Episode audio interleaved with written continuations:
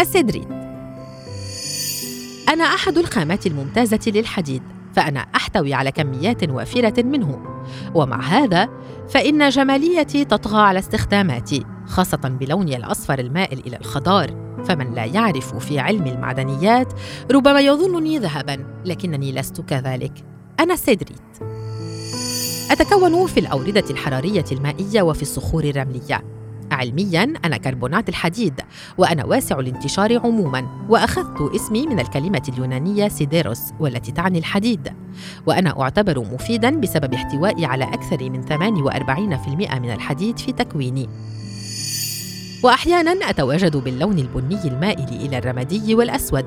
هذا يعتمد على نسبة المنغنيز في تركيبتي. قام العلماء بتصنيع مثيل لي. كما أنهم استخدموني في تطبيقات الهندسة الزراعية.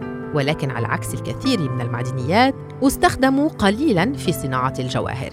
وأتواجد في كندا والولايات المتحدة وألمانيا وفرنسا والبرازيل أيضا.